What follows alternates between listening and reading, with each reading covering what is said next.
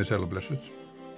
Við Sigur Jón Átni Ejjólfsson við e, fáum til okkar góða gæsti þessa vikunnar til þess að ræða ímis brín mál og í dag þá situr hjá okkur e, Drífa Snædal, fórsett ASI. Verður velkomin. Takk fyrir það. Og það kann gæla fyrir að koma og við veitum að þetta er mjög annarsaminn tími hjá þér en þú ert uh, tekniteknara ment og svo fórst í viðskiptafræði ekki satt og og vinnumarkmagsfræði í framhaldið og ert sérfræðingur hálfgerðu í þarna er það ekki í vinnurétti? Jú, ég tók sér mestarprófi í vinnumarkmagsfræði með áherslu á vinnurétti í, Lundi í Svíþjóð. Og svo ertu búin að vera undanferðin ár í ASI formaður þess? Já, ég er sér sett eftir að ég kláraði vinnumarkmagsfræðina í Lundi, kom heim 2012 að þá byrja ég hjá starfsgrænarsambandinu mm. sem er eitt af landsambandinu sem er aðeldar félaga aða ASI var þar frangværtastjóri í einn um, sex ár og verð svo fórsetið ASI hösti 2018 og þess að þetta klára fyrsta kjörtjónbilið í höst Við erum eh, fenguði hérna með þess að þetta er svona vist framald að í þessu þáttum sem við erum með við erum búin að reyna greina svolítið samtíma núna og, og hún hérna Kristnum var að tala um það síðsliðan 12 ár eiginlega, eiginlega hafa verið mjög mótandi ég eftir að vera mótunarskeið í, í söguvestarna menningar. Og það sem er að breyta svolítið er það, það sem við lang, okkur langar til að tala um við sko, það er eiginlega samband þarna eh, markaslögmur og, og náttúrulögmur hvort það séu hægt að tengja þetta svona eins og hefur gert líku við En ef við lítum hérna aðeins, förum aðeins aftur og tölum aðalega sem ævar er mjög kær, Karl Marx, þá var hann eiginlega sem kom í kjálfar Hegels og voru að tala um að það lægi til grundvallar sögunni, sko, sögulögumál og það var það eiginlega skilis svolítið í framhaldin á því, ég veit að þetta er mjög mikil einföldun, framhaldunum því eins og sög, sögulögumál var einhvers konar náttúrulögumál og það er e, stuttu setnar eins og markaslögmálið er líka sett inn í þennan veruleika þannig eins og markaslögmálinn séu bara náttúrulögmál sem ríkisvalda á ekki að skipta sér mikið af og þá verður einhver huld hönd sem leðir eftir þetta e, fer úrskerðis, það er svona mýta um það og það er eins og annað jafna að manna stefnan hafi líka tekið þetta upp. Mm. En ef mér svona skilst þetta að vera svolítið, hefur hrygt svolítið í þessum skilningi og líka hefur hrygt í því hverjir eiga tólka þá markáslöfum mm. er það bara hagfræðingan og þeir, sem gera? Þeir hafa stundu talað eins og maður geti litið á þá selabankastjóra eins og eitthvað svona páa það sem hann sagði það er rétt sko en nú fyrir að draga þetta mjög efa. Mm. getur aðeins varpa ljósi á þessa þróun. Þú ert nú í mm þessu eh, sko ringuðinu miði. Já, takk fyrir það. Um, já, það er, sko ég, ég fer stundum í svona kjarnan á margs þegar ég vil kjarna mér í mínur störfum uh, og þá er náttúrulega þetta með að vinnuaflið er að selja sína framleiðinni fyrir peninga og það er náttúrulega svona grundvöldurinn er peningar og, og markaðurinn og vinnumarkaðurinn. Um, það sem hefur svo gerst einhvern veginn síðustu ára ég er uh, svona nánast svona kalvinískar hugmyndir um að, að hérna því meira fjársöðu aflar því þóknarlegri ertu því, því meira hefur unnið í lífinu. Uh, þá ertu döglegri og, og hérna og, og einhvern veginn ert betri manneskja einhver leiti og við sjáum þetta svolítið það er alveg á þessu í, í hérna öllum þessum innlit, útlit, þáttum og svona hvað, hvað flott heimili og ferði í falli ferðalög og og getur left börn á niðunum að stunda allar þessar tómstundir og, og allt það. Og átt í raun að skammast í svolítið fyrir að vera að vinna á leikskóla, eh, vera í lálaunastörfum, það þýðir að þú verð ekki unni í lífinu, þú ert ekki einhvern veginn nógu góð manneskja. Og þetta svona umhverfi elvert af sér. Og, og í grunninn er einhvern veginn hugmyndum að við séum eh, öll kapitalistar Við séum öll að pæli peningum frá degi til dags, við séum alltaf að taka einhver svona góðar ákvarðanir uh, í okkar fjármálum og að allir eigi í rauninni að hafa og hafa einhvern svona eðlislegan áhuga á peningum uh, og hlutabrefum og markaðnum um, og, uh, og allir séu í grunninn gráðir og vilji hérna eiga sem mesta peninga.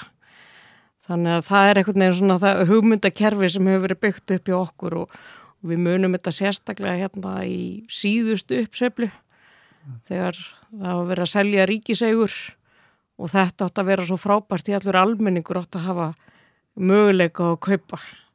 Uh, og, og það var einhvern veginn svona klikkuð hugmyndu grundvallar um að almenningur hefði yfir höfuð áhuga á því að versla með hlutabrif. Ég, mena, ég held að almenningur, vennilegt fólk, hafi nú bara frekar áhuga því að, að njóta lífsins og, og hérna vinna eitthvað skemmtilegt.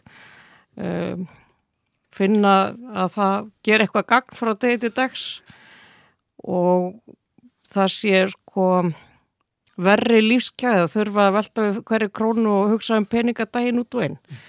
En hins vegar höfum við byggt svolítið okkar hugmyndir á því að, að við séum öll kapitalistar, við séum öll í, í grunninn gráðu og, og mm. viljum meir og meiri peninga og við séum öll í skinsum í peningamálum og þetta líka byrtist í um, þeir sem lifa á almannatryggingum eða sagt, hérna, þeir sem eru ekki með starfsorku og, og þurfa að treysta á örorkuna og, og það einhvern veginn er þessi ofurmannlega krafa um að vera allir séu svo skinsamir og þú sért ekki að leifa þeirra að reykja eða að drekka eða taka óskimslegar hérna, peninga á kvarðanir því þá hefnist þér bara greinmiðlega fyrir það.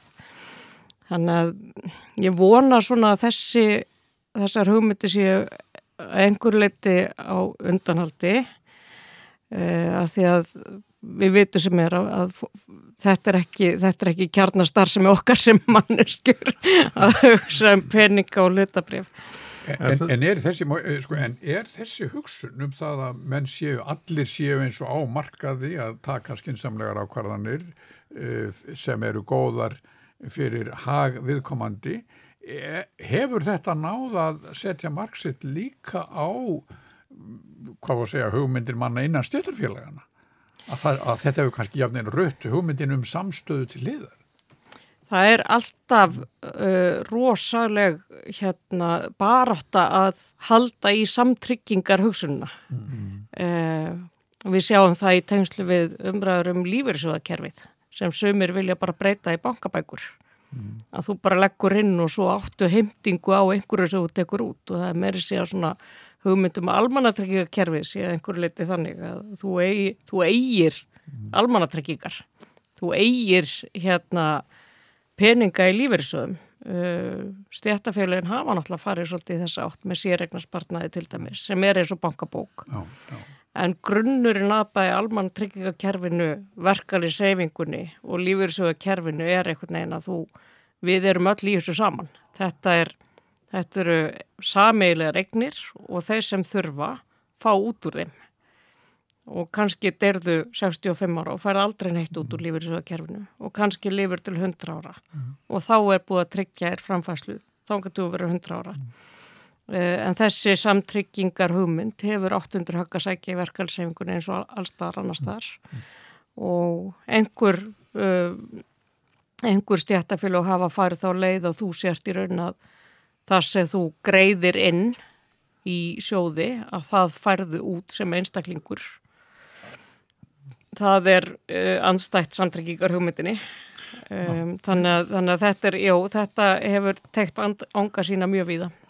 Mér finnst mjög merkilegt að komstu upphafi inn á, inn á Kalvín og dróst þarna fram í raun og veru það sem uh, frágur Guðfræðingur Vernir Elert skrifaði um stórt rít ymittum munin á lútrunum og kalvinistum út frá þessar samtryggingar hugmynd og einstaklisíkjunni kallum morfólógið slútutúms þannig að þú ert alveg uh, með lúteska hjarta sló mjög en þá er að það að, og þú bendir þá líka og þátt sem mjög mikið vægur í þessu að þá nýfrjálsíkjan þú tengdar hana bent við kalvinisma og þá ertu komin inn á svið sem er áhugavert að þetta er eiginlega trúaratriði þetta er grundvallar, sko, trúin er ofta álitin vera eitthvað að maður sé að trúa sé svona uh, að maður sé uh, bundin við einhverja forna hensmynd og það er all hennar en það er ekki kristin trúaskilningur heldur það sem maður bindur tröstitt við mm. og menn hafa treyst á viss kerfi og það er svo nýfrjáðsíkjan hafi verið svona kerfi sem átt að leysa allt upp, leysa öll mál og þá voru vissir aðeila sem voru eiginlega, eiginlega uh, sko uh, kennimenn og fulltrúar hennar og voru eiginlega þeir sem tólkuðu efnaðiskerfi fyrir alla aðra í þessum maður til dæmis eins og ég býst við því að veri, þú þekkir það að það er sagt með að því, þú skilur þetta ekki, þetta er miklu flóknara en við þekkjum þetta og, og þá er koma einhverja kenningar, hafraði kenningar sem maður sér ekki gegnum. En þetta er svona svipað eins og voru á miðöldum að presta töluðu þá latinu þannig að fólk skildi ekki mm. og, þá, og þá var, eh, það er eins og það, þess að tryggja þetta vald og það var það sem ég var að hugsa um e, þegar þú fórst að tala að það er eins og þessi trúakenning hafa liðið skipsbrott svolítið 2008 og líka núna í koronamfaraldun vegna þess að maður tekur þetta verkalsýðingarnar hérna á Íslandi allavegna þar bara viðu kenn ekki kennivald þess að aðila. Mm. eins og það var ykkur, ykkur þá koma einn aðal fulltrúi sko, peningavaldsins eða svo var með þess að setning og þá var bara sagt að hann er um konan út fyrir sinn ramman og geta alveg, það var sagt sem sé að kennivaldi sem hagfræðingarna höfðu hann er eins og það, það sé brostið og en það hefur sagt að, til þess að það var engið sem gætt spáð fyrir hruninu og þá var allt innu að rannu fyrir fólki þetta væri eins og trúabröð mm. og þá kemur aftur inn hinn þáttum sem líka hálfgerð trúabröð sem var ekki talað um það er samtryggingakerfið mm.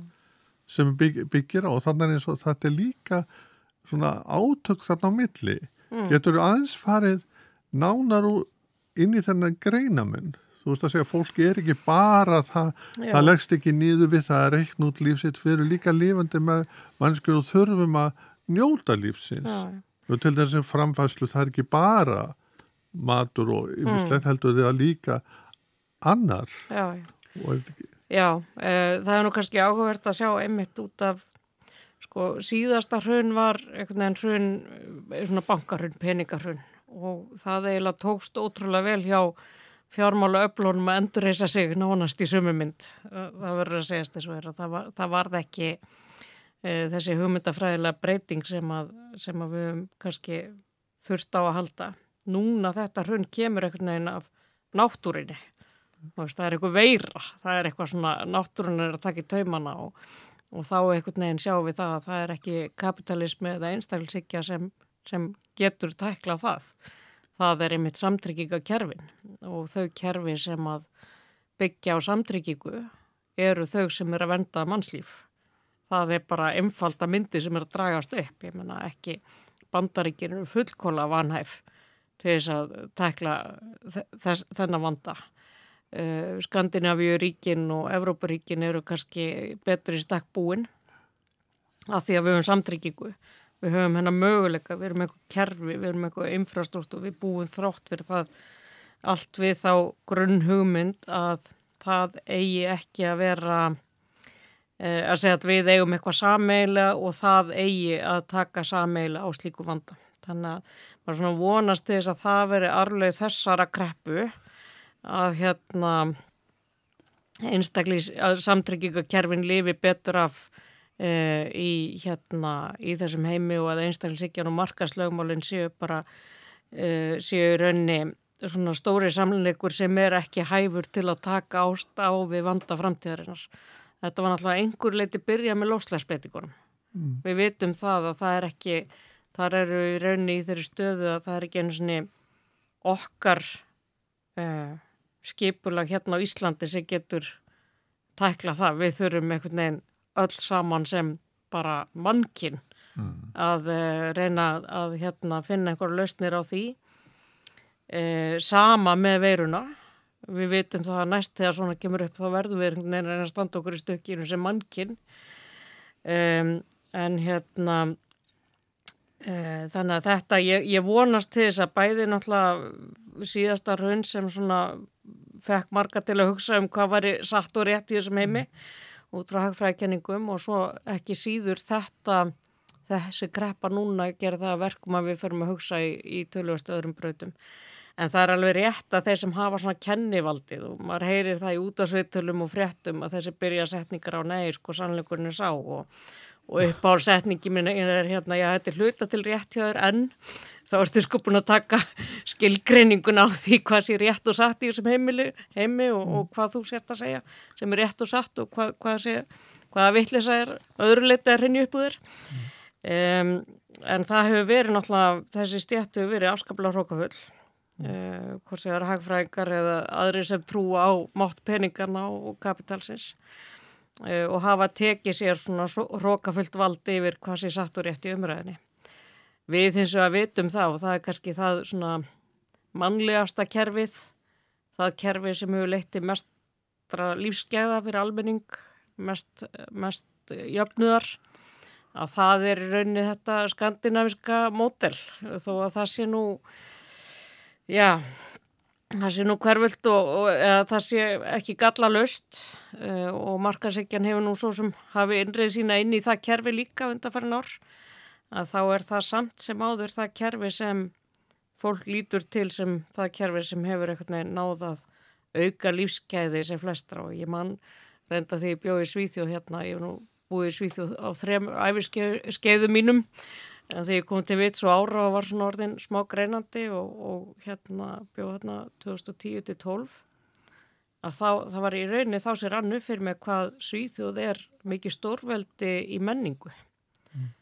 Og það var, þú veist, hvort sem við lítum á reitlist, Astrid Lindgren og mm. hérna og, og Sælmalagalöf og, mm. allir þessir höfundar eða tónlist eða hvort sem það er poptónlist eða, eða jafnvel klassísk, kvikmyndagerð þáttagerð og það veist að hvernig sprettur svona stórveldu upp? Jú, það sprettur upp á jöfnuði, það sprettur upp á því allir sem börn hafi aðgengi að því að, að hérna, njóta sína hæfileika, að gera það sem uh, listnám í skólum og svo framvegs. Þannig býr maður til menningalegt stórveldi um, og það er nú aldrei að sjá á bara hvað maður segja, ekki bara lífsgæðan þjóðar, heldur líka bara peningalegri velsælt, þegar úti það er farið mm.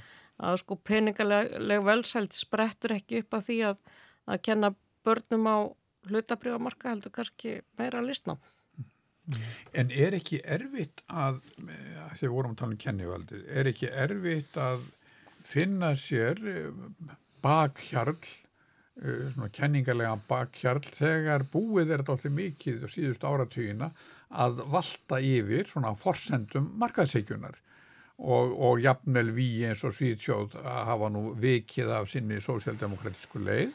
Er ekki, er kannski, má kannski segja að, að það sé helst þá einhverja náttúrulegar eh, orsakir um, umhverfis vá eh, veiru síking, heimsfaraldur, eitthvað sem beinlínis sínir mönnum það að, að þegar allt kemur til alls þá eru nú helsta skjólið í, í, í samtryggingunni sem þú voruð að segja. Já, jú, ég held að það sé alveg horrið til þér og það er í raunni, ég hef nú tekið svolítið stort upp í mig og kalla þetta mestu svik eh, hérna sósjaldemokratismans eh, þegar þeir gengu markasöflunum á hönd. Eh, það gerist þarna, já, stóru vatnaskilnin verða þegar Tony Blair kynir þriðjuleðina. Mm sem var svona hérna hluti af engavæðingastefnu, nú átti að fara að leifa markanum að sjá um ákveðna hluti og svo framvegs.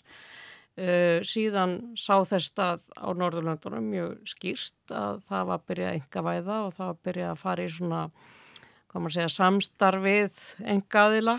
Uh, það hefur gengið töluvert narri velferðarkerfinu þannig að það eru engaðilar uh, farnir að rekka flest hjúgrunarheimili í Svíþjóð til dæmis. Uh, það hefur leittið þess að þeir eru að þróa hugmyndur um svona að vera með nema í blegjum þannig að þeir svona sína viktin á blegjónum þannig að sé nú örglega ekki skipt of oft um blegjur. Skiljið, þetta er svona, mm. þetta er farið að ganga svo hryllilega langt sko, það er náttúrulega búið að draga úr mannskap, verið að sinna grunnþörfum en ekki endilega þessum félagslegu þörfum. Hefur sætt mikillig gaggrinni eh, og þetta verður náttúrulega fyrir þrýsting fjármálaplana til nóa peningum. Uh, og það skinsamlegasta ef þú ert sko siðlös kapitalisti, að besta sem þú gerir núna er að fjárfesta í velferðarkerfum. Að því að þú fær skattpenninga á móti sko. Uh, þú hefur aðgengi að bara skatthyrslunum, uh, það eru þær sem borga og þú getur þá bara sett uh, viktir inn í blegjur á gamla fólkinu til þess að geta tekið eins mikla penning á vilt út úr þessu. Þetta voru stórsvík uh, sósjaldemokratíunar að, að gangast markasöflunum á hönda einhverju leiti og, og hleypa þeim inn í velferðarkerfið og það hefur reynst erfitt að vinda ofan af því og líka þegar sko það sem er kallað svona vinstru öll eða samtryggingar öll uh, fara þessa leið að þá halda hægri öflurum engin böndi að þau lóksins koma til valda því það er búið að varða leiðina og þá bara, já, já, heyrðu, nú heldum við bara áfram að sögum braut. Þannig að það, var, það hefur verið svona stærstu mistök, samtryggingar, hugsun og fólks síðustu áratí, að mínu mati. Það var, það var uh, auðvelt fyrir Thatcher að komast til valda núna eða komast til valda á eftir Blair. Já, var það ekki þessi að Thatcher sagði að hennar helsta afreg á sínu stjórnmálaferli var New Labour. Já, já. Mm. En nú, sko, verðist vera þessi hugsun sé, sko, svolítið undir högg að sækja. Og ég man, ég var hlust á umræður á þingi þegar flugleir voru í vandraðum og náttúrulega í vandraðum að það átt að styrkja þá eða sko ríki áttu að koma þar að. Og, og þá spurði held ég uh, fórmar samfélkingarna hvort að ríkisvaldi fengi þá ekki aðstuð í fyrirtækinu gæti verið með ykkur áhrif og stjórnum þess og svo leiðis og ég veit að þetta hefur komið upp í sambundið Lufthansa í Þískalandi, þeir eru búin að fá vissan hlut, ríkisvaldi og þá er viss ákvæð sem koma, koma inn í sambandi umhverjismál og svo framvegis. Þannig að ríki hefur áhrif til fyrirtæki þessi einn styrkir og þá minnum ég að fjármálur á þar að neyta það alveg að ríkisvaldi ætti að eignast okkur skapaðan hlut í því sem það var að styrkja og þá var ég að velta fyrir mér, já, maður þekkir þessu rauk náttúrulega en Ákveðum á ríkisvaldi ekki hafa sömu, lúta sömu lögmálum á vonarsjóðir. Mm. Þeim er að kaupa hvað sem er.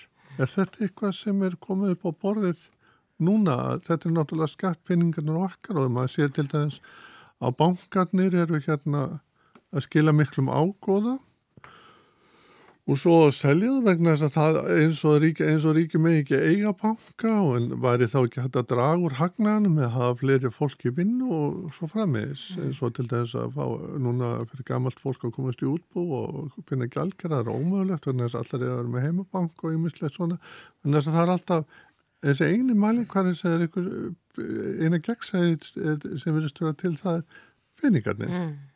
Er þetta eitthvað svona mm. sem þið er að velta verið ykkur. Já, já, við hefum svo sem sagt að, að ef ríki er að styrkja eitthvað fyrirtæki um 100 miljónur eða meira þá ríki egnast hluti viðkomandi fyrirtæki. Uh, þetta er einmitt svo barátt að við eigum í uh, bara þessar, þessar dagana. Mm. Það er að segja og verður barátt að næstu mánuðina. Má skilir það ríkistuðning? Af því að það er svo merkilegt að enga fyrirtæki vilja ríkistuðning en þau vilja hans gerir í slöst. Eh, það sem er að gerast núna er að, að fólk segir nei, það verða að vera reist skilir við því, bæði á hérna ríkið að eiga eignarhaldi fyrirtækjum ef, ef það fer yfir eitthvað ákveðið. En síðan á ríkið líka og við sem ríkið, við sem samfélag, um að setja skilir fyrir sko launum innan fyrirtækjana. Þú veist að mm. þau séu ekki bara óhófleg. Við höfum að setja skilir við það að þessi fyrirtæki séu þá að hugsa hérna, stund ekki launathjófnað að, eh, að þau fari eftir, eftir svona lámasíðu um reglum. Eh, en, en eh, svona einn arfleð svona kapitalíska ríkisins er að það má aldrei setja skorðu við fyrirtæki því þá, þá er það eitthvað ægilega slemt þannig að hérna þannig að þetta er svona hum, þessi hugmyndafræðilegu átökurinn sem er í gangi. Svo er reyndar annað sem er komið upp í umræðan núna og það er þáttaka starfsfólks í stjórnum fyrirtækja og þetta er svona umræða sem er byrjuð að, byrjuð að eiga sér stað hérna í undir félögum ASI veit ég Uh, það er þessi þáttaka starfsfólks og ég, ég er einhvern veginn ekki komin að endastu sjálf í þessari hugsun. Hún er bara svona gerjast hjá mér, líðræði svæðing fyrirtækja uh, sem er frábær hugmynd mm. og auðvitað myndum að segja svona frá hjartanu að starfsfólk ætti að sitja í stjórnum fyrirtækja og hafa eitthvað um þau að segja. Mm. En þetta getur líka verið kvítfóttur ef það er eitt starfsmæður í stjórn fyrirtækis, mm. fyrirtækis þá er sá starfsmár orðin ábyrgu fyrir öllum ofinsælu ákverðunum sem eru teknar í stjórninni. Ef það eru tveir þá er hægt að segja, herðu, nú er fyrirtækið hart í ári. Nú þurfum þið að samfara ekkar samstagsfólk um að, um að hérna lækki launum. Nú þurfum við öll að standa saman. Við setjum hér öll saman í stjórn fyrirtækis, við þurfum öll að standa saman. Þannig að þetta er ekki alveg einfalt, sko. Getur, eh, við, getur verið að, þetta, þessar, sko, að þessar mög, þessi möguleikar að tala svona stafa því það er hérna, því skur heimsbyggjum sem eru verið ólega duglegur að skrifa svona dagbækur í, í koronaverðinu og hann sagði hér á einu stað að nú er, er sko þessi frálsum markaður sem átt á leðrætta allt búin að hafa svo mörg ár til þess að leðrist að vissa hluti og þá er til þess ungarismálinn en ég hefur ekki gert það. Þannig að markari vilst ekki valda því að taka sjálfstað, sko taka ákvarðinni sem snerta, eh, sko skipta fjöldamáli, maður sér til þess núna að þegar koronaveran er eh, uppi blósandi til þessi Brasilíu þá er, er maður að heyra fréttir af því hvernig er að nota hérna sko bara líka við að hérina vermda það að, að menn geti brent sko skóan í fríði og svo framið. Það er eins og að sé að hann verður svo hömlulegs mm. og þá er eins og eh, þessa krísu sem hafi komið núna að hafi leitið þess að þessi, þessi kenning sko markan leðrætti sér sjálfur og hún er búin að trú, tapa trúurleika sínum. Mm. Er það það sem þú varst að? Já, já, hún hefur náttúrulega gert það í rauninni fyrir lifandis löngu varðandi loslasbreytingar mm. uh, sko nú er ég að reyna að reyfja upp hérna þegar eh, auðmenn þessa heims voru spurðir að því hvernig þeir ætluð að breyðast í loslasbreytingum og það sem þeir höfðu helst á að gera var sko hvar á ég að búa til þess að hérna venda mig og mína fjölskyldu gegn loslasbreytingum uh, hvernig get ég geimt peningana mína og þess að ég rýrna og hvernig get ég haldið áfram að vera með nátt vinnuafl til þess að búa til meiri peninga. Mm. Þetta eru áhyggjur þeirra sem eiga peninga í þessum heimi. Og er ekki það kannski sem er breyst og maður sér, uh, sér að, að það var að, svolítið að mótmála í dag, líka í kjölfart þessa, að vatn er ekki veslunumvara, matvæli verður að tryggja grundvalla framlistuður og svo líka á þjóður og e, sko frakkar og þeir lendi í vandra en þess að lifjaframnæsla er komið til Kína. Mm. þannig að þessi hangræðing sko þessi áhersla að það þarf að losa um tök fjármaksins á þessum liðum. Mm. Já, jú, það er alveg horrið um, sko heimurinn er þrísasinnum ríkar í dag heldur hún að var fyrir 30 ára síðan. Uh, og þeir peningar hafa ekki farið til almennings. Og það hefur náttúrulega gerst þannig að, að það, það er alltaf verið að leita ódýrar leiða og, og hérna og reyna að vinda eins mikið úrvinnandi fólki og mögulegt er á þeim stað þar sem, þar sem það er hægt einn hávarast að krafa allþjóða verkalsefingarinnar okkur að núna er sko að stitta verðiskeiðina og þetta hljómar ekkit aðeinslega spennandi. Eh, inn í þessari kröfu er samt að sko hlutir er að vera framleitir verðiskeðjan verðiskeðja er, er hérna þegar sko í hlutir eru framleitir hér og þar svo eru þeir sendir á einhvern annan stað í einhverjum öðrum heimsluta og framleitt þar og svo er vörni pakkað í einhver þriðja heimsluta mm. og, og, og allt það sko um, þannig að í orðunum að stýtta verðiskeðjuna fælst að reyna að framlega hlutin eins nálagt í þeim stað þar sem þeir verða svo notaðir. Mm. Rækta blábær hérna en ekki kaupa það frá Tíli. Já, Nú. til dæmis uh, og sérstaklega í matála framleyslu manna við erum með uh, eina kröfum okkar núna er til dæmis að við förum að vinna íslenska fisk hérna á Íslandi. Við erum að veiða fiskin hérna, senda hann til Pólans til að vinna hann þar og selja hann svo sem íslenska fisk um allan heim. Uh, þetta er til dæmis óþarra löng virðiskeðja, svo við tölum í virðiskeðjunu, en þetta gerir það líka verkum að þeir sem vinna vörurnar eru í verri aðstöðu til þess að beita verkvöldum eða, eða krefjast herri launa af því að þá verður þetta bara fært eitthvað annað þessi hlekkur í keðjunni. Mm. uh, þetta fjalla líka um það sem við kalla keðju ábyrð að uh, endalugu kaupandi vöru eða þjónustu eða svo sem pandar hana að hann ber einhver ábyrð á því hva, hvernig hún er unnin undir hvaða kringustæðum og svo framvegs En allt þetta sem þú nefnir eh, þetta eru auðvitað dæmi um það að, að grunn hugmyndin grunn kapitalíska hugmyndin um það að rekstur fyrirtækja sé, sé já, næstu því að segja heilagur. Þar sem það megi mm. svo lítið skipta sér á, það megi svo lítið setja skorður og, og svo er mönnum talin trúum eins og frækt er að, að, að aukin auður að hann hljóti nú endanum að hripa niður til, mm. til allra, mm. líka til þeirra lægst launuðu og þeirra sem verður vestaru settir. En hvaða, sko nú, nú má segja það að það hafi orðið ekkit endilega gengisfalla hugmyndunum en, en slagkrafturinn í klassískum hugmyndum jafnaðamanna hefur auðvitað, hefur dreygið mjög úr honum mm. og, og, og, og jafnvel einfaldar eins og eins og til dæmis uh, franski hagfræðingurinn Thomas Piketty talar um að það, verð, að, það að beita skattkerfinu það að beita þessum möguleikum sem við vitum að við höfum og höfum notað og notum til dæmis mjög greinlega um áránum eftir setni heimstyrjöld fram að uppgangi nýfjálfsíkjunar að það sé leið sem er alveg fær, mm. hún er ekkert úreld, hún er alveg, alveg möguleg, það vantar eins og er kannski pólitískan, hvað þú segja, pólitíst fylgi. Mm. Mætti bæta við einu beinu framöldaði þessu að það líka hefur verið mikil alþjóðavæling og það sem þú ert að tala um er í raun og hluta alþjóðavælingur. Það var er, fiskurinn veitur við Íslandstendu og gengir frá nýja Pólandi og þetta áum fleiri. Og alveg, með þessari alþjóðavælingu hefur líka verið þetta sniðgangar rétt fólk hvernig þess að geta ekki farið í verkveld og, og svo framvegis. Og þessi alþjóðavæling átti að vera að lausna á allum vanda.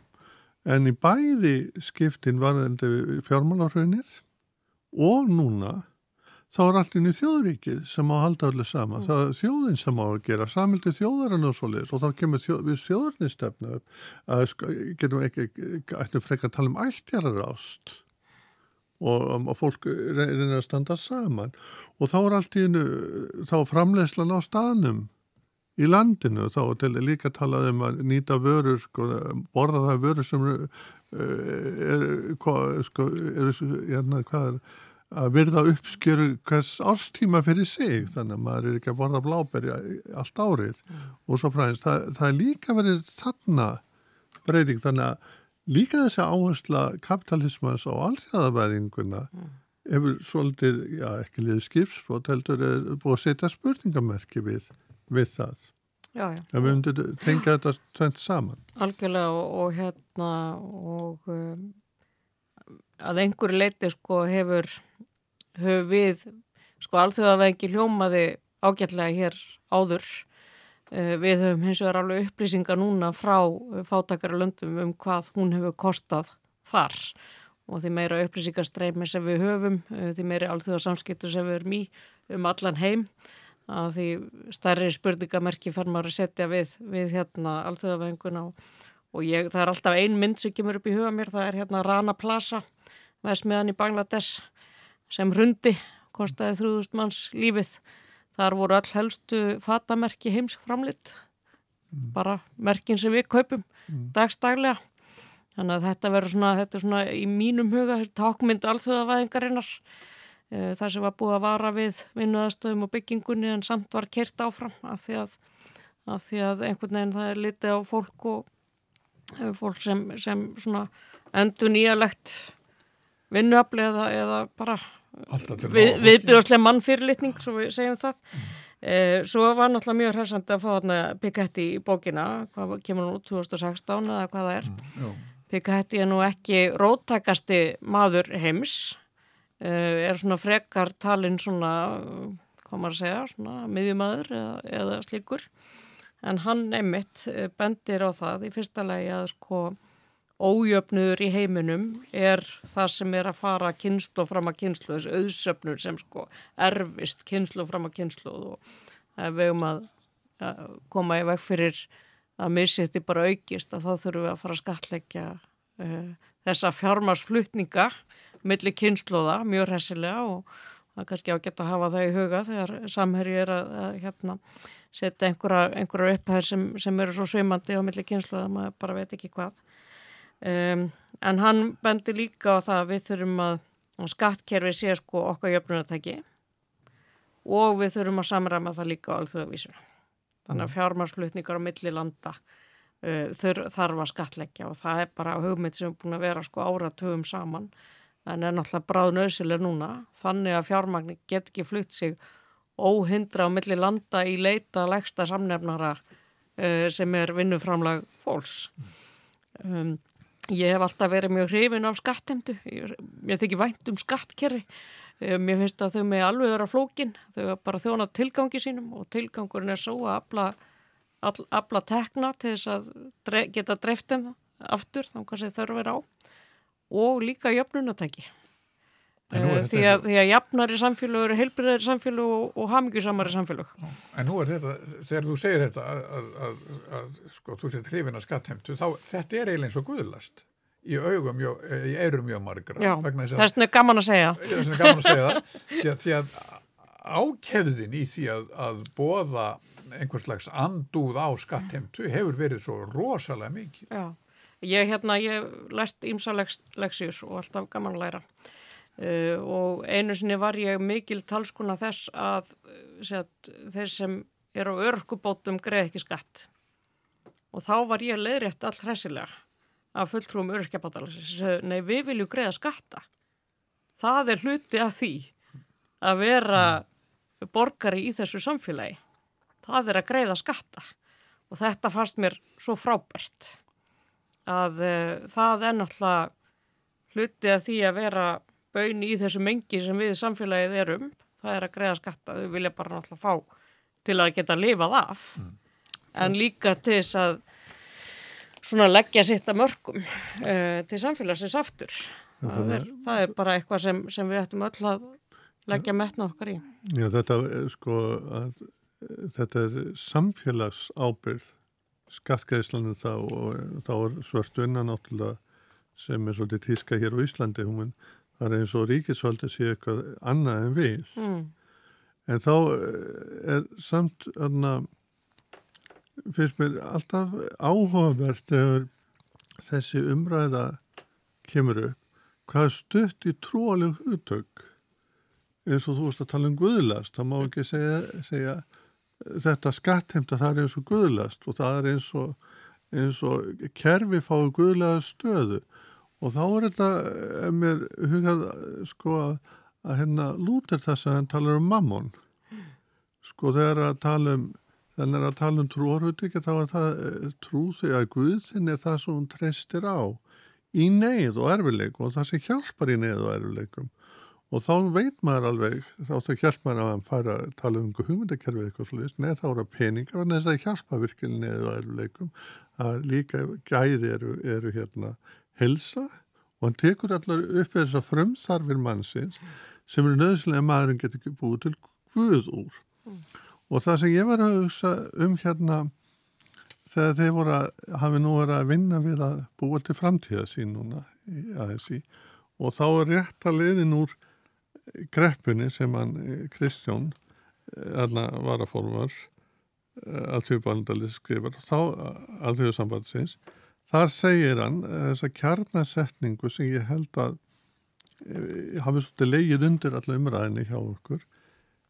Eh, sko, maður veit ekki hvað breytinga verða og hvað, hvað næst í gegn og og allan að það hefur verið talað svolítið lengi um það að, að jafnaðastefnan eða, eða þjóðfjöla þurfa nýja framtíða sín eða nýja útópíu til þess að berjast fyrir og, og það er verið að vinna að, að skapa hana og þetta er svolítið vissulega útótypist plagg en maður þarf að hafa ykkur skona þetta er nú líka mjög eh, djúft kristið hugtak en þess að við væntum alltaf Guðsíkisins sem er að koma, við kom, komum ekki en það virka sér leiðréttandi á missétti í samfélaginu, þó að við vitum það ekki.